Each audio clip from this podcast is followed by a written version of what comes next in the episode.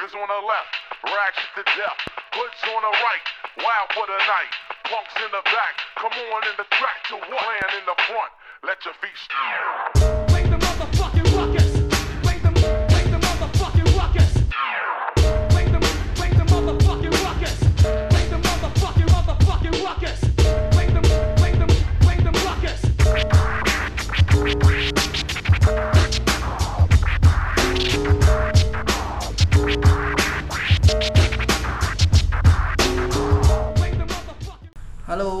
Selamat datang kembali di Serang Balik Podcast edisi episode ke-8 Ya, episode 8 ya. Eh, kami akhir-akhir ini jadi rajin. gitu. Rajin-rajin, produ- produktif Karena, Ya keadaan ini yang bikin kami produ- produktif Ya mau ngapa lagi ya? Hmm. Yang biasanya kita hari-harinya ngopi Dan- Jarang ketemu gak sih Jarang sebenarnya ketemu. Dan di, dan di situasi kayak gini nih ya bikin aku sama Bandi lebih sering ketemu sih untuk bahas soal podcast. Dan kita pun udah kayak ibaratnya kayak komitmen buat jalankan podcast nih dengan serius sih. Hmm, dengan serius dengan eh, setidaknya itu tetap konsisten lah Konsisten. istilahnya tetap konsisten. Tetap walaupun eh, sedikit berpikir karena episode sebelumnya itu benar-benar tidak pakai pikir. Kalau ini sempat berpikir untuk apa yang mesti dibahas apa yang mesti di, di, diomongkan apa sih yang menarik gitu apa yang bisa diomongkan dan dianggap menarik oleh pendengar gitu kan. Dan kita nih masih di tempat biasa. Di studio. Di studio.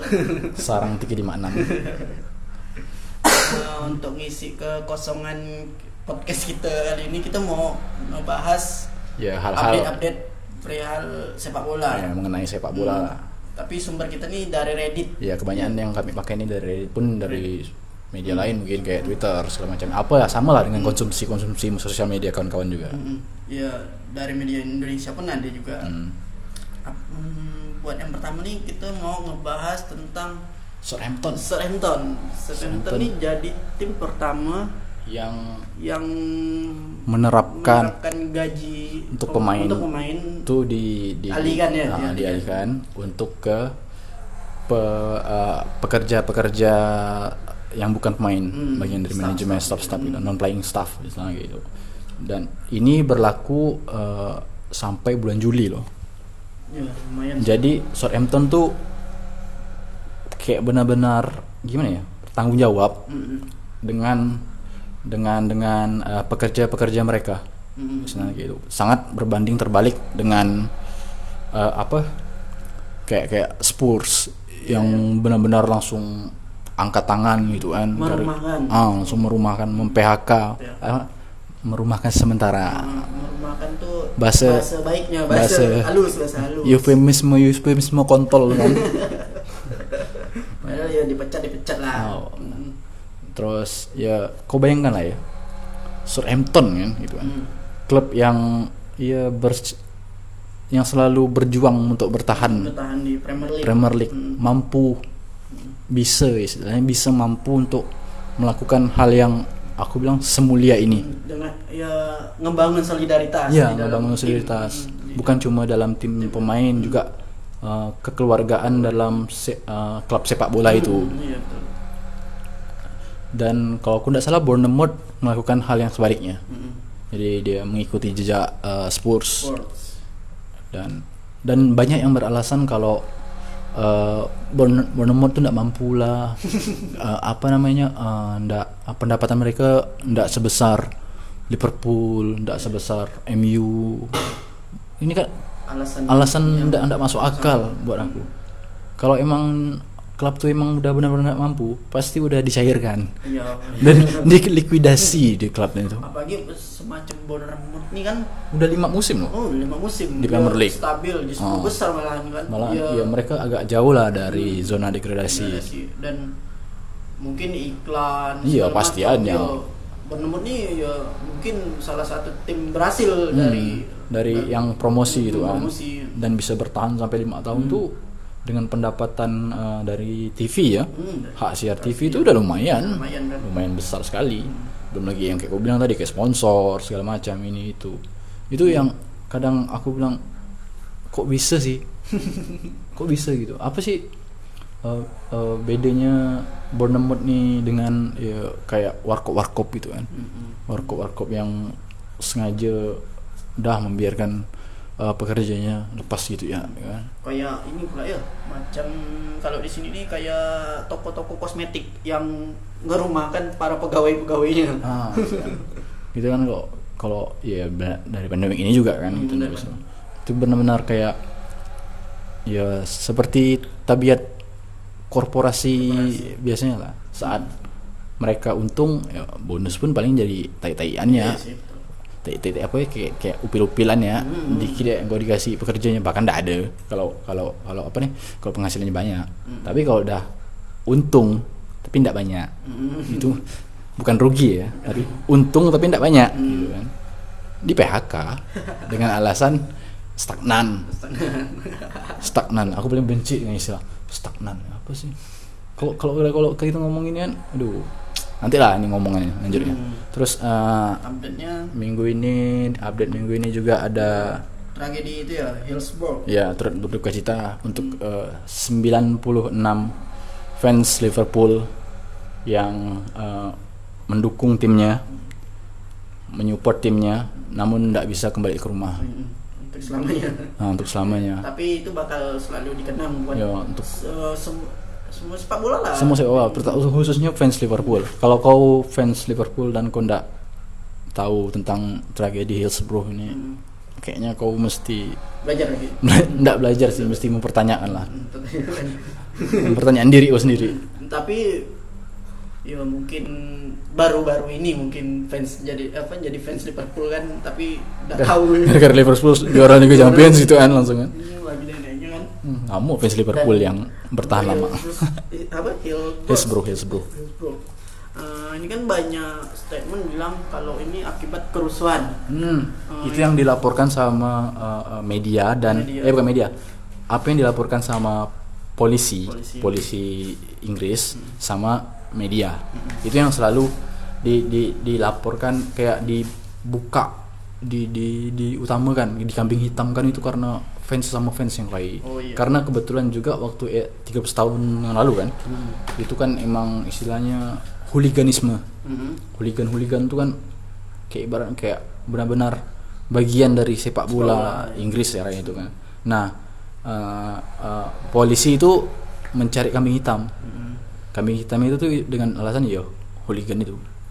Padahal kalau kita telisik ya, kalau aku telisik yang sepengetahuan aku itu tuh karena adanya eh, bisa dibilang eh, ndak adanya komunikasi antara pihak klub Sheffield ya Iya Sheffield dengan uh, polisi yang bertugas kepala polisi yang bertugas waktu itu. Mhm. Jadi waktu itu tuh kan aku dengar BBC atau apa yang ngebahas tentang uh, tragedi Hillsborough ini. Jadi dia ngebahas kalau uh, polisi yang tugas kepala polisi yang baru itu itu hari pertama dia bertugas menangani fans dengan sepak bola. Kau Bayangkan ya, dia hari pertama dia menggantikan orang yang udah seharusnya tahu itu. Dan kesalahan itu tuh salah satunya tuh karena kepenuhan, kepenuhan eh, apa namanya Eh, kursi apa tempat nonton gitu kan, tribun tuh penuh dan dipaksakan. Setahu aku, seingat aku.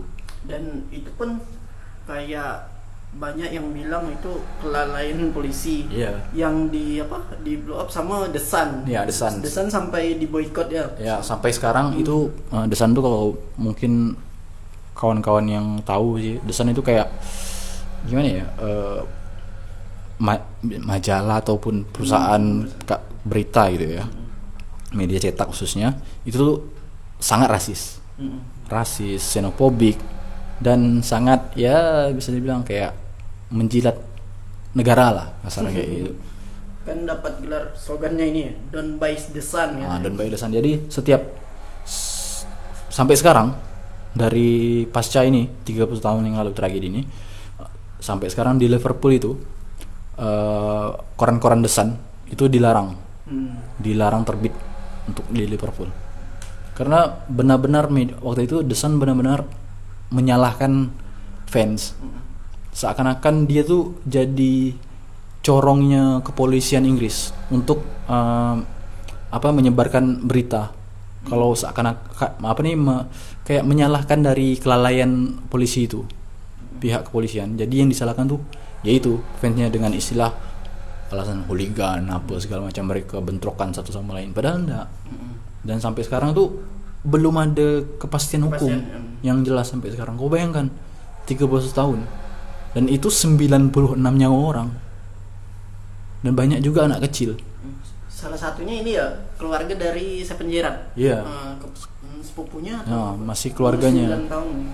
dan mayoritas tuh banyak yang ya mati karena kejepit kau bayangkan kau mati dalam kondisi sesak napas karena benar-benar terjepit di, di di tribun itu itu benar-benar hal yang sangat memalukan lah bagi aku buat Inggris dengan negara yang bisa dibilang negara-negara paling maju lah hitungannya. Tapi ndak ndak mampu meng, apa cuma untuk berurusan mengontrol ini.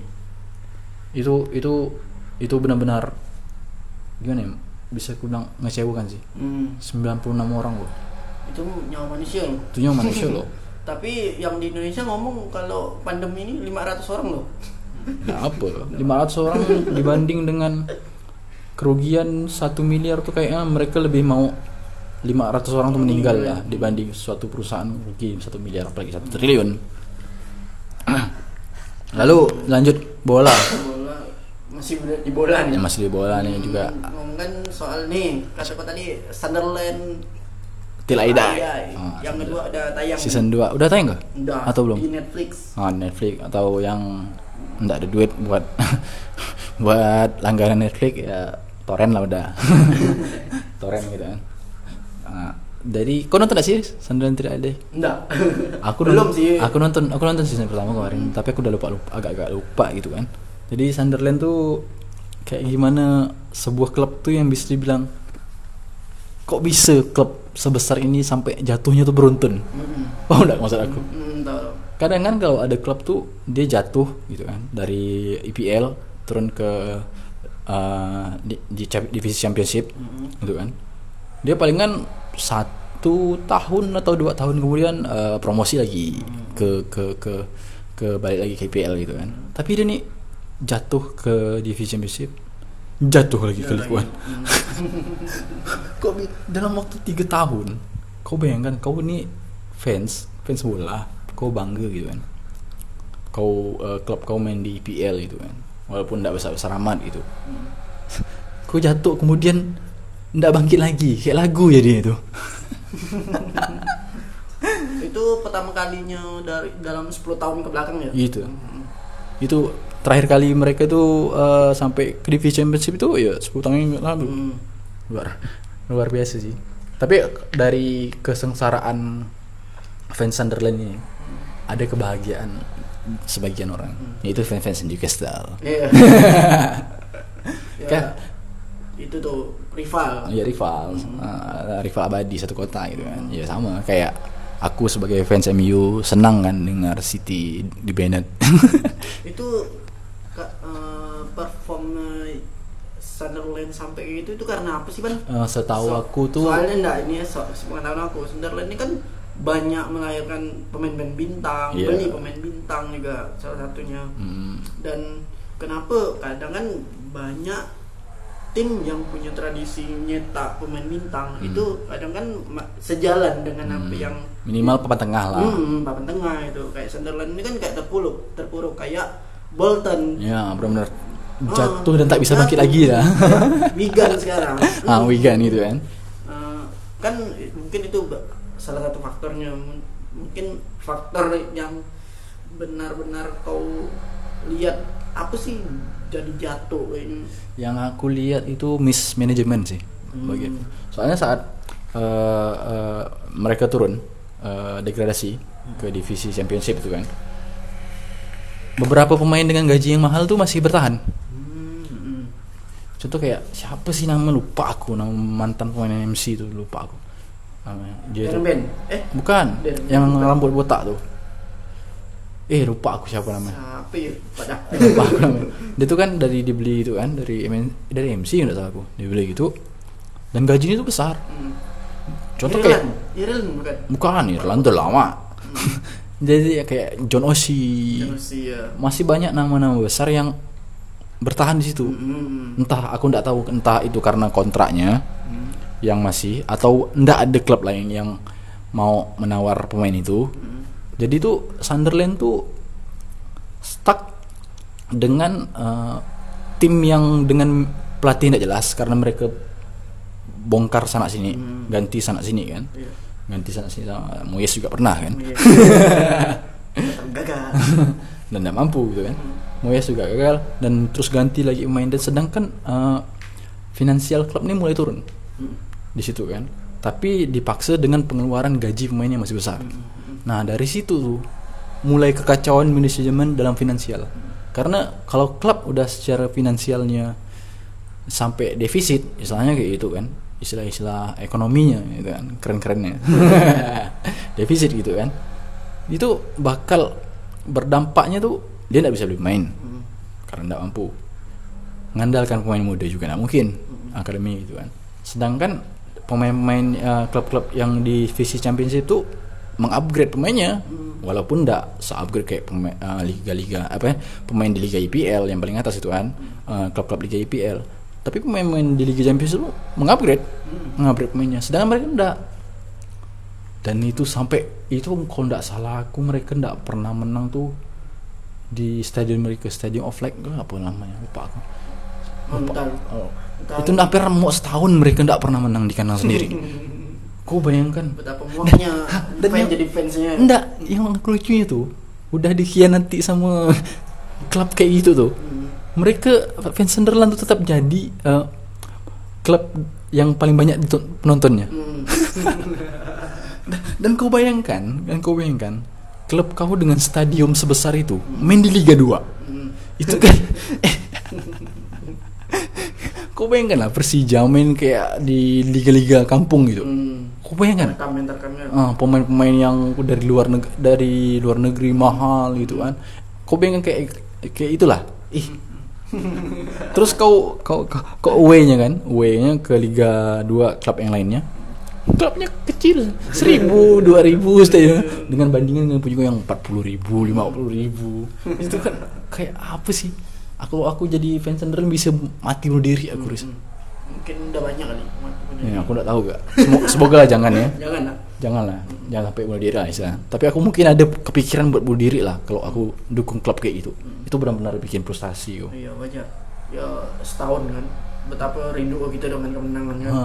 Tiap hari kita bayar masuk. hmm, kau nonton hiburan. hari setiap hari Hmm. yang ada malah petaka setiap kau nonton tuh kayak tragedi kau tengok Hmm, Kita balik kerja kan. klub kau kena bantai sore-sore maksudnya weekend tuh buat happy itu kan Tapi sepak bola tuh bukan jadi eh, permainan yang menyenangkan jadi yang menyusahkan kau balik rumah kau mikir anjing apa bisa klub aku kayak ini kan lah mungkin kalau situasi fans-fansnya Sunderland di stadium nih kayak bukan nonton Sunderland nih. Kayaknya aku mau ketemu Pak Nafi lah. Ha, ini, cerita ah, cerita ngobrol. tentang klub aku ni aku jan kayak jancok sekali istilah gitu kan. Hmm, dimaki-maki. Datang cuma buat maki klub sendiri itu kan sedang itu waduh. Nggak itu mungkin sedikit eh, Tentang Sunderland lah. tentang Sunderland. Hmm, kita bahas apa lagi nih? Ya oh iya ada kabar buruk sih beberapa hari kemarin gitu. Salah satu dari kabar yang paling bodoh itu kan balik lagi ke Liverpool ya. Hmm, itu eh, Kenny Douglas. Ah, tes positifnya covid, dia Covid, positif. Ya. Hmm. semoga lah apa ndak ndak itu ya ndak berbahaya. Berbahaya. soalnya kan bukannya aku bilang hmm, hal jelek sih. Hmm. cuma itu kan lebih rentan ke orang-orang yang di atas 50-an gitu kan. Ya Dan semoga sih jangan. jangan sampai lah. Douglas pun bisa dibilang kayak aja Tuhannya Oh. salah satu Tuhannya Liverpool, Liverpool. selain Bill Shankly ya. Dan apa lagi nih? Hmm, kayaknya kalau bola nih udah lah ya segitu lah. Hmm. kita Buat mau pengen ngomongan yang- ngobrol yang keluar dari TV. yang keluar dari TV dan sosial media. Kita pengen ngebacot jadi netizen. Dan eh, kalau kita lanjut hmm, ada kabar baik nih ketua anarko udah ditangkap Narko sindikalis. ah, Alhamdulillah. asi asi Narko sindikalis Indonesia. yang nama tatonya tuh ada Avenger Wah, ada AA nya. Kayak logo apa ya? Kayak logo rokok sampurna. Hmm. Aroma. Aroma iya iya yang paling murah tuh kan. Aduh anjing, kok bisa ada ketua? Ngeliat, aku ngerasa kalau akhir-akhir ya dunia tuh baik-baik ya Ah, ya tiap hari orang masih ngomel-ngomel sama pemerintah. Orang-orang masih maki-maki polisi dan aku ngerasa ini baik-baik ya Iya. kalau mereka sudah berubah udah ndak ada maki-maki pemerintah ndak ada yang maki-maki aparat Ah. berarti ini kan ada yang salah nih Dan boleh kau cek di daerah Semak Hmm. Mungkin ada mayat. Ada mayat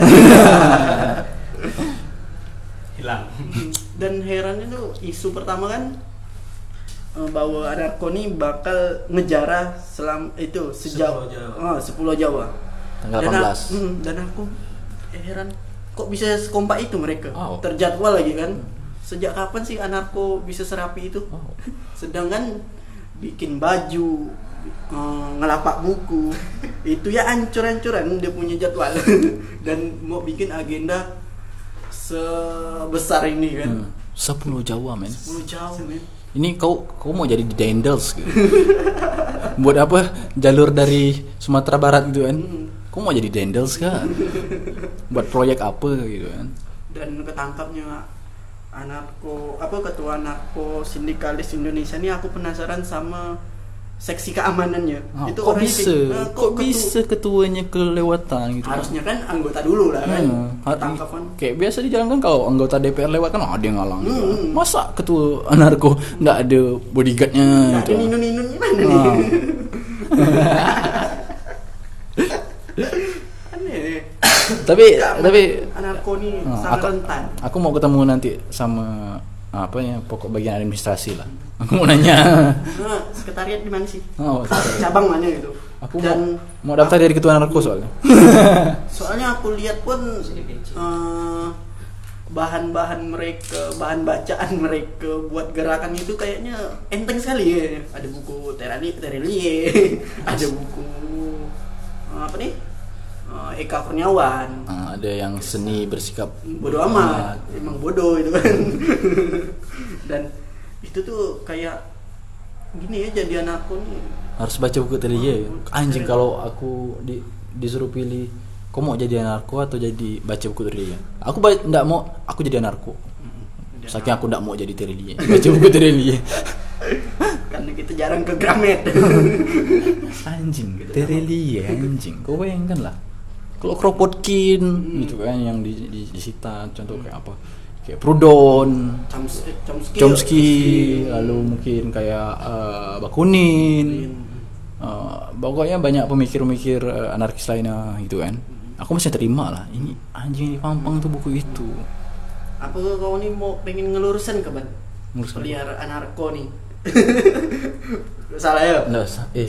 Hmm, usah. pusing aku mikirkan Hmm, Nggak, aku mikirkan astaga kalau emang ini nih dibuat-buat istilahnya gitu kan. Emang di di di di di, di framing Hmm, diciptakan ada ciptaan gitu kan diciptakan kalau buat nyari kambing hitam. Hmm. ya negara negara tipikal negara tuh selalu nyari kambing hitam. Iya ya untuk melupakan kalau ini ada masalah utama kayak gitu kan. Selalu ada hal yang eh, diekspos media ah, isu baru yang diangkat berlebih-lebihan gitu kan. Dan aku perhatikan pun di media media sekarang kayak aku aktif di Twitter untuk covid aja dia udah kurang nih. Malah ditimpa dengan hal-hal kayak anarko Hmm. macam macam uh, ketua kayak gitu ditemukan. Jadi itu kayak masalah covid ini kayak ditutup. Tutup, ah, itu aku bilang dan tadi. aku ngerasa kayak ndak ada masalah besar gitu kan Hmm. malah Padahal malah setiap hari hmm. puluhan orang meninggal Hmm, gara-gara orang ini. meninggal. ini aja udah mau sampai 500 ya Dan kau malah buat apa eh, kebodohan yang kayak itu. Kau Hmm. bayangkan saking bukan bodoh. Mereka ndak bodoh sih. Nggak bodoh. Cuma mereka diciptakan kayak itu. Ya, jadi aku ndak bisa bilang mereka bodoh. Gitu. sistem tuh yang bikin Nah, mereka ndak bisa Oh. berpikir itu kayak kan. Dan kalau mereka emang kayak ini kan emang berarti emang ke- aku baca tulisan atau caption siapa gitu. Emang berarti emang ndak ada eh, akal mereka buat sampai mikir kalau ada yang namanya sesuatu hal bisa dikerjakan tanpa adanya pemimpin tanpa adanya komando. Dan bagi mereka ini hal yang tidak mungkin terjadi, Terjadi, hmm. karena selama hidup mereka ini dan ditambah lagi dengan pendidikan yang per- percaya dengan atasan apa segala macam itu mereka tidak tahu kalau manusia siap. itu bisa hidup bebas. Istilah kasar tuh kayak itu. Manusia itu punya hak untuk menentukan diri sendiri itu. Itu tidak sampai di akalnya. Dia cuma bisa siap bos Ah, siap komandan siap siap gitu siap ya kan. Ah. siap. Itu itu yang aku pikiran itu kalau mereka tuh emang ndak beda pemikirannya. Emang mereka makanya mereka ndak bisa buat ya hal yang masuk akal buat buat mengkambing hitamkan ini. Ini benar kayak kok kok masak telur setengah matang pun ndak sampai setengah matang. Benar-benar atas sedikit ya aku masak itu telur cair.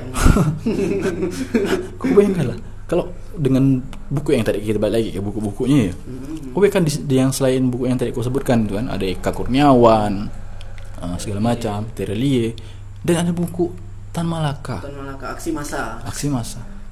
Eh, dan isi buku aksi massa itu kritik Tan terhadap orang-orang anarkis. Mm, kau bayangkan Tan kritik orang anarkis dan orang anarkis gunakan itu sebagai bahan pergerakan mereka Ah, misalnya kayak gitu kan.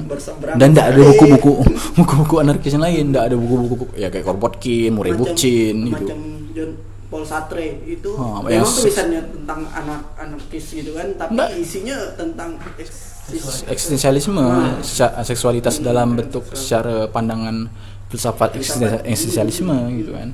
Revolusi dalam bentuk eh, dalam pemandang, pandangan eksistensialisme gitu kan.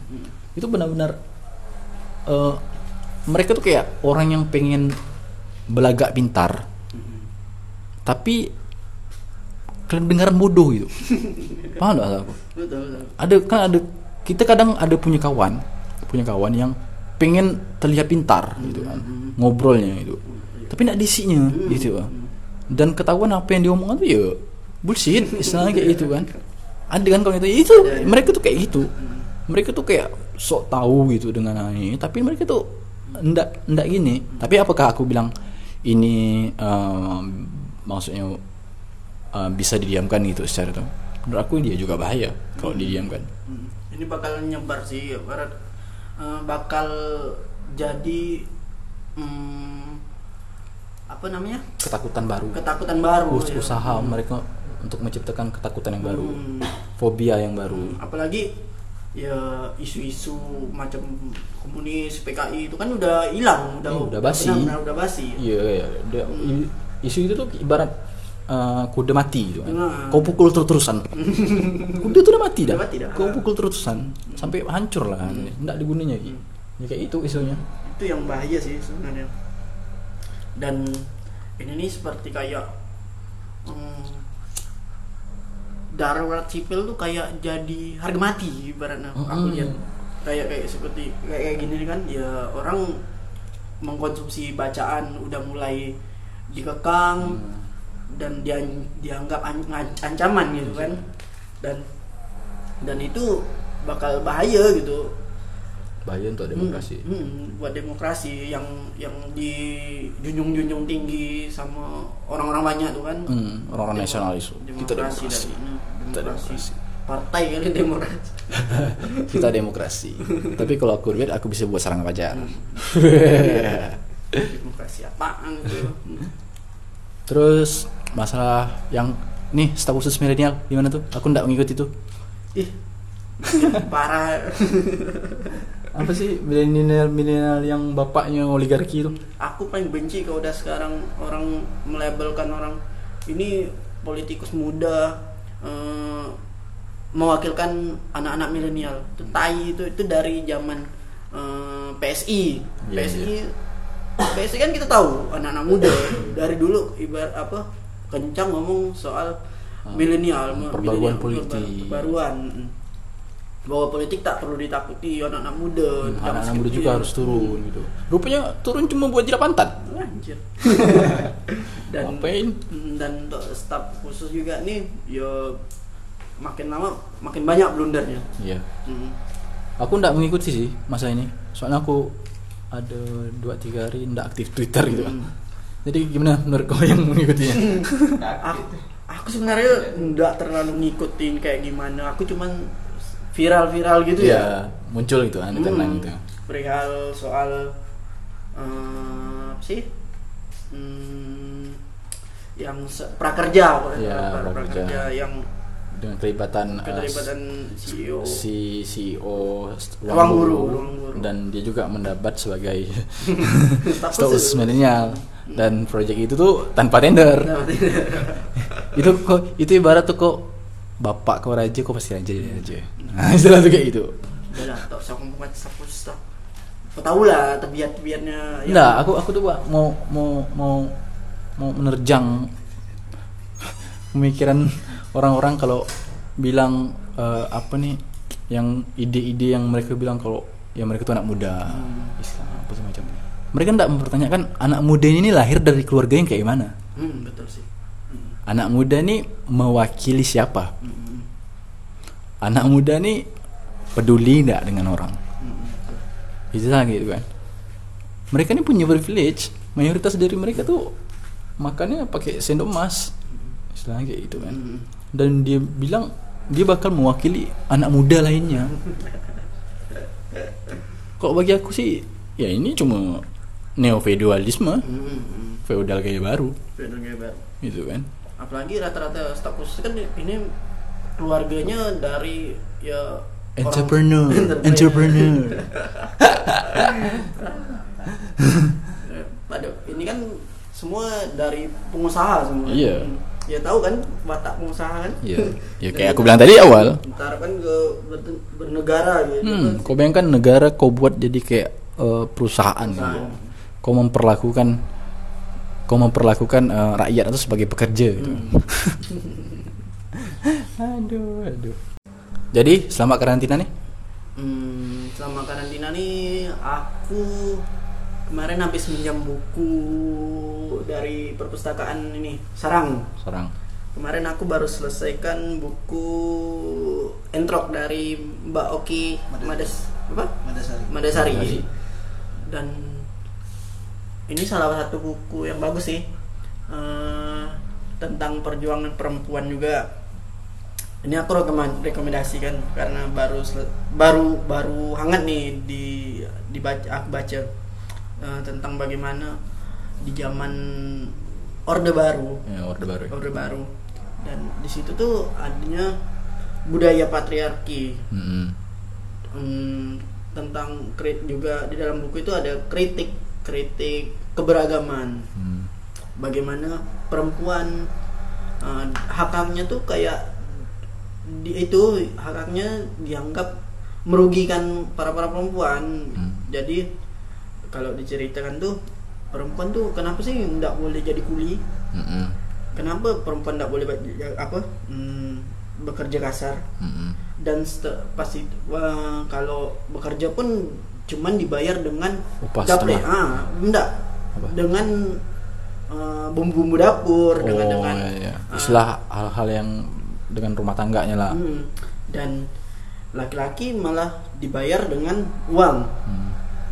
dan di situ tuh kayak ada kritik dari buku Mbak Oki ini eh, kritik di situ dan eh, perempuan yang diceritakan di sini nih dia pengen meng- mengangkat orang perempuan itu lebih mandiri Mm-mm, jangan bergantung. Ah, jangan bergantung pada laki-laki Eh, perempuan bukan tempatnya di kamar tidur Kamar tidur kasur gitu kan. bukan ya nyuci-nyuci Kerjaan- pakaian, ah, kerjaan rumah gitu. Hmm. dan di sini juga tentang keberagaman bagaimana uh, uh, orang orang zaman dulu yang percaya pada leluhur itu Oh, Me- animisme itu. Mm.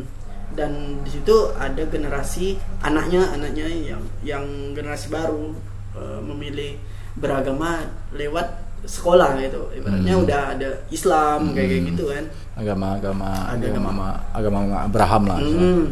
Kalau ibunya kan kalau di sini diceritakan ibunya uh, masih meyakini leluhur. Hmm. Jadi tuh di situ ada bentrokan dan Hmm. antara kedua anak. Kepercayaan. Hmm, kepercayaan. Dan di situ tuh mereka ditemukan di salah satu apa konfliknya sama gitu walaupun dia dengan kepercayaan beda Hmm. Eh, kayak konflik tanah eh apa yang salah satu diceritakan tuh konflik tanah yang ngerebut hak orang banyak gitu Hmm. jadi tuh eh, si perempuan ini ibu dan anak ini sama-sama jadi korban ini tanah Hmm, penggusuran semacam. penggusuran dan itu kayak menyadarkan mereka bahwa keberagaman itu bukan jaminan kau terhindar dari Eh, kekerasan hmm, negara. kekerasan, nah, kekerasan negara gitu Hmm. Mung- mungkin Ada hal yang ada hal- lain, istilahnya dia dia mau kayak mengantarkan kalau janganlah kita nih gara-gara identitas, gitu ya. identitas ya, dan kita dengan lupa bahwa ada yang lebih berbahaya, berbahaya yaitu keganasan keganasan militer orde baru Orde Baru. dan ini juga buku ini bagus sih dan mungkin segitu lah nanti aku pengen bikin ulasannya lagi lah. Soalnya aku tuh senang sih kalau mau bikin ulasan-ulasan kayak gitu. Kalau mau ngomongnya aku kadang gagap bingung lah Untung ada kawan. nah, itu kan kawan. Dan ini pun podcast ini jadi belajar aku belajar ngomong gak sebenarnya? Public public speaking. public, public speaking. Kalau aku Hmm, dan kau selain buku? Ada baca ada terus? Aku dengar podcast ya sih Podcast. Oh. nah, podcast podcast yang kau biasa dengar apa sih? Hmm, kayak Yang kau recommended kan? hmm, dari box to box sih rata-rata kayak ini un- unqualified hmm, retropus kayak gitu Hmm. dan horor pun aku biasa gak tapi Horor. horor horor itu saking gabutnya aku apa mm, Dengar horor. Nah, karena pengen suasana yang baru Hmm. dan di kondisi kayak gini nih kalau kita terlalu ngikutin idealis kita Hmm. pengen tentang sejarah atau pengen politik gitu kadang tuh Terus terlalu buat- berat ah. dan buat kau depresi. nah buat aku stres kayak kayak gitu Perlu ya kayak minum marak tuh kan kau minum marak itu kan lalu ada salinnya. Nah, Hmm. inilah salinnya. Nah, pengen Bilas-bilasnya. nah, pengen ngebilas itu Hmm. dan aku pun mempertanyakan ada nggak sih data data dari pemerintah untuk perihal orang apa tentang orang-orang stres gitu di Hmm. masalah kayak ini kan nggak ada gitu kan dan ada. aku ngerasa ini nih udah mental kita nih kayak udah terganggu Iya. dan, dan itu pun diceritakan sama kawan-kawan aku udah ngerasa ini nih udah penat gitu Hmm. dan dan aku pengen tahu aja sih eh, ada nggak sih data perihal Iya, masalah mental ini kan mental health itu kan. Hmm. Ada ndak mungkin aku nggak salah tuh ada baca, tapi bukan di Indonesia sih. Tapi sama kan karena kita pandemi yang global kan. Hmm.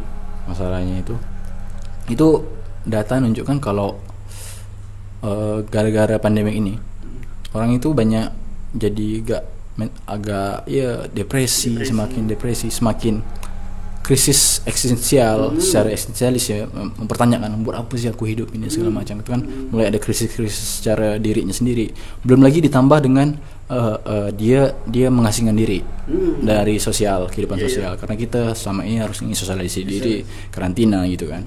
Bahkan sampai ada yang lockdown gitu kan. Kau tanya. Nah itu yang semakin kita merasa sendiri itu semakin kita banyak waktu buat memikirkan hal-hal. Hmm, overthinking jadi yang mungkin overthinking ataupun kita terlalu ya karena kita selain merasa depresi karena tekanan kerjaan karena tidak ada kerjaan lagi karena banyak yang di PHK gitu kan secara ekonomi segala macam ini itu itu yang salah satu semakin buat orang semakin tertekan. Dan itu ada datanya. Mungkin nanti aku lampirkan lah. Kalau aku nggak lupa lah. Soalnya kemarin aku lupa aku bilang aku lampirkan. Soalnya kan mental itu penting. Iya. maksudnya. ya buat kondisi kayak gini kesehatan mental itu penting Penting. bukan bukan cuma kau kesehatan kau dari virus ini Hmm, Jangan sampai virus ini buat kau jadi parno dan kau jadi tertekan lah secara mental. aku pun ngerasa mental aku udah mulai kayak tertekan juga sih karena aku sekarang pun aku udah nonaktifkan Instagram untuk sementara. Memang aku ngerasa Instagram aku toksik dan dan itu tak bisa aku hindarin gitu. Eh, dan sekarang aku juga cari materi-materi yang bahan-bahan lucu gitu, ya, video-video lucu. Dan Buat- itu tuh berguna harusnya. buat menghibur diri lah. Menghibur diri. Dan itu ya sih kalau untuk kau apa? Aku sih kalau ini akhir ini aku sering nonton sih. Hmm, Aku sering nonton. nonton film yang terakhir aku nonton tuh bukan terakhir sih udah lama aku nonton filmnya itu tuh film Children of Men tapi aku nonton lagi karena mas dia beda sih dengan pandemik gitu. Cuma dia kayak ya distopia distopia gitulah. Kayak kehancuran diktator ini itu segala macam kan. Permasalahan chaos krisis ini itu kan. Jadi karena temanya sama distopia gitu aku nonton ulang. Itu film tahun 2006 udah salah aku. Jadi di film itu tuh manusia karena lokasi waktu itu di Inggris ya filmnya di Inggris. Jadi di Inggris tuh di Inggris tuh sedangkan di dunia lain ya hampir di seluruh dunia itu termasuk Inggris. Manusia mengalami wabah impoten. Jadi entah itu wanita ataupun laki-laki yang impoten secara peradaban gitu kan. Agak aneh sih istilahnya dengan itu kan. Karena science fiction kan. Mengalami uh, tidak mampuan uh, bereproduksi. Manusia tidak mampu bereproduksi kan. Jadi jumlah manusia itu semakin menipis. Paham tidak aku? Karena kita tidak minim minimnya reproduksi gitu kan. Jadi waktu itu tuh selain permasalahan itu juga mengha- eh, film ini juga pandemik itu tuh juga mengaruhi masalah ekonomi untuk kayak sekarang. Peningkatan imigran. Jadi gerak orang yang nyari negara yang lebih aman mikirnya kayak itu kan kayak itu kan. Jadi mereka tuh berpindah gitu. Jadi pasti otomatis negara yang dimasuki orang yang berpindah itu kan eh, menerima imigran banyak gitu kan istilah. Nah permasalahan imigran ini juga dibahas di film ini. Ketakutan ketakutan gitu kan. Terus di film ini ini kayak gimana ya? Bayangannya itu pas di London gitu kan awal-awal scan scan awal-awal gitu kan. Itu dia jalan kok jalan nih kan di di di di jalan-jalan trotoar gitu kan. Kok jalan trotoar? McDonald masih ada eh, cafe-cafe shop masih ada kayak, kayak Starbucks yang kau bisa beli take away gitu kan Starbucks atau apa semacam. Tapi tiba-tiba ada ledakan di belakang kau. Oh iya. Dan ini ini sangat-sangat menyerang kepala aku skin ini. Nih. itu kayak mengingatkan aku dengan kata-kata Slavoj Zizek. Si bangsat Zizek. Orang Sitting tuh Slavoj Zizek. Jadi Zizek tuh pernah bilang dia bilang lebih mudah membayangkan dunia runtuh dibanding membayangkan kapitalisme runtuh. Dan dari scan film itu aku tersadar aku mikir oh iya negara ini sedang pandemik. Segala macam sedang chaos sedang krisis secara ekonomi gitu kan. Tapi McDonald masih ada. Tapi coffee shop take away kayak kayak Starbucks tuh masih ada.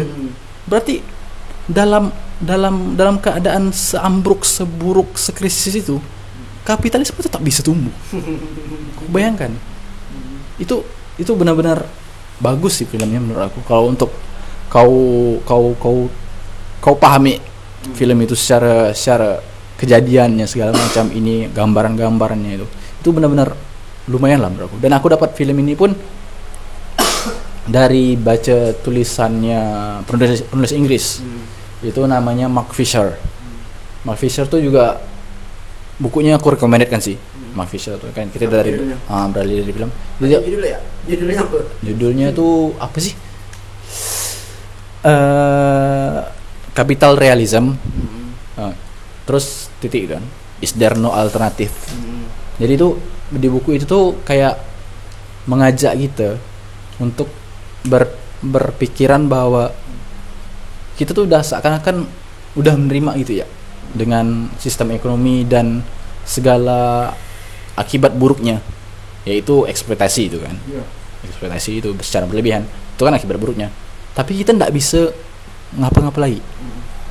Kita tidak bisa ngapa-ngapa seakan-akan realita tuh emang benar-benar kapitalisme. Iya. istilah kayak gitu. Itu dari buku ini tuh dia mengajarkan tentang kapital realisme. Gimana kehancuran eh, Soviet bukan kehancuran keruntuhannya yang eh, mereka udah tidak lagi sosialis gitu kan itu semakin menguatkan eh, kapital realisme. Seakan-akan tidak ada alternatif tidak ada alternatif lain. Ya kapitalisme lah. Istilahnya kayak itu itu membuat kita buat berpikir tentang itu. Hal-halnya kayak itu dan dibalik lagi ke Soviet gitu kan. Itu kan seakan-akan eh, perang dingin gitu kan era perang dingin dan Soviet runtuh itu kan seakan kemenangannya kapitalisme gitu kan. Kan karena tidak ada alternatif lain karena kalau dulu pilihannya dua sosialisme kapitalisme. Semakin hilangnya Soviet itu sebagai daya saingan Amerika itu semakin dari situlah munculnya nama istilah kapital realisme seakan kan kita tuh benar-benar dibuat berpikir apalagi orang yang tidak pernah minim baca karena tidak ada waktu ya segala macam. Tidak pernah berpikir kalau ada loh alternatif lain. Iya. Walau bukan berarti itu harus sosialisme komunisme bentuknya yang udah beberapa kali, beberapa kali coba banyak yang malah Enggak, sama, sama. dengan tidak merubah keadaan. Enggak merubah keadaan tuh banyak orang gitu kan aku bilang cuman enggak tahu apa pun itu seharusnya kita terus berpikir untuk tidak tuh memba- mampu lah membayangkan bahwa dunia itu lebih baik daripada saat ini. Itu buku yang bagus ini. Hmm, boleh boleh. Terus Not benar apa ya? Lagu sih. Lagu. Kira-kira ini kalau lagu aku senang YouTube. Lagu apa tuh? Itu band YouTube. Iya lagu yang mana? Eh, dari pertama ya apa semua lagunya sih. Maksudnya aku kan Acak tipe, lah. tipe orang yang misalnya suka satu band ya be- lagunya lagu semua. Kayak kalau menurut aku lagu YouTube tuh semuanya bagus. Dengan agak soft soft gitu Iya, apa, soft-soft rock juga. hmm, rock enak Slow- slow rock. Mm, itu sih yang lagi-lagi aku sering dengarkan. Hmm. karena aku tipe orangnya kalau dengarkan satu band ya band itu terus sampai bosan. Sampai bosan nanti baru cari band lain lagi. Cari band lain lagi. Ya dengar lagi bosan. kemarin ini aku dengarkan The terus. Ah, aku tipe orangnya gitu. Nggak nggak terlalu gimana nggak terlalu ngacak lagunya. Tapi aku semua dengarkan lagu sih. Aku orang yang sportif kok kalau untuk konsumsi genre sih genre aku pun masuk. Kecuali eh, yang di remix remix nah koplo koplo remix otak aku tak nyambung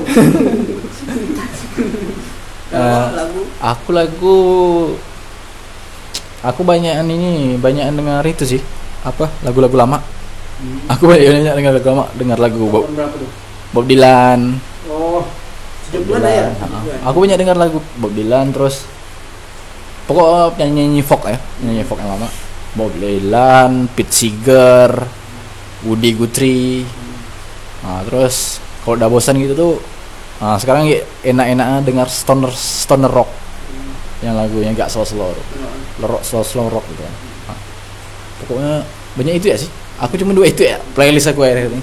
Sekarang pun kalau untuk lagu tuh kayaknya kita udah nggak mikir genre lagi dah kan. Oh ya, genre itu kan asal yang enak ya lah. Nah, ibaratnya genre itu udah hilang dah. Oh. Ibarat- sama sem- semua lagu tuh sama menurut genre is dead. Nah. terus sih eh. kalau kata ninja kan garis dead enggak genre is dead. Hmm, udah sih kalau cuaca cuaca pun udah udah turun hujan. turun hujan suara pasti jelek. Hmm, sorry Udara jelek suara tambah hujan lagi. Makin jelek. Lalu ya? Dan dah. Selamat bertemu di episode selanjutnya. Dan selamat mengisolasi diri. Sometimes maybe good, sometimes maybe shit.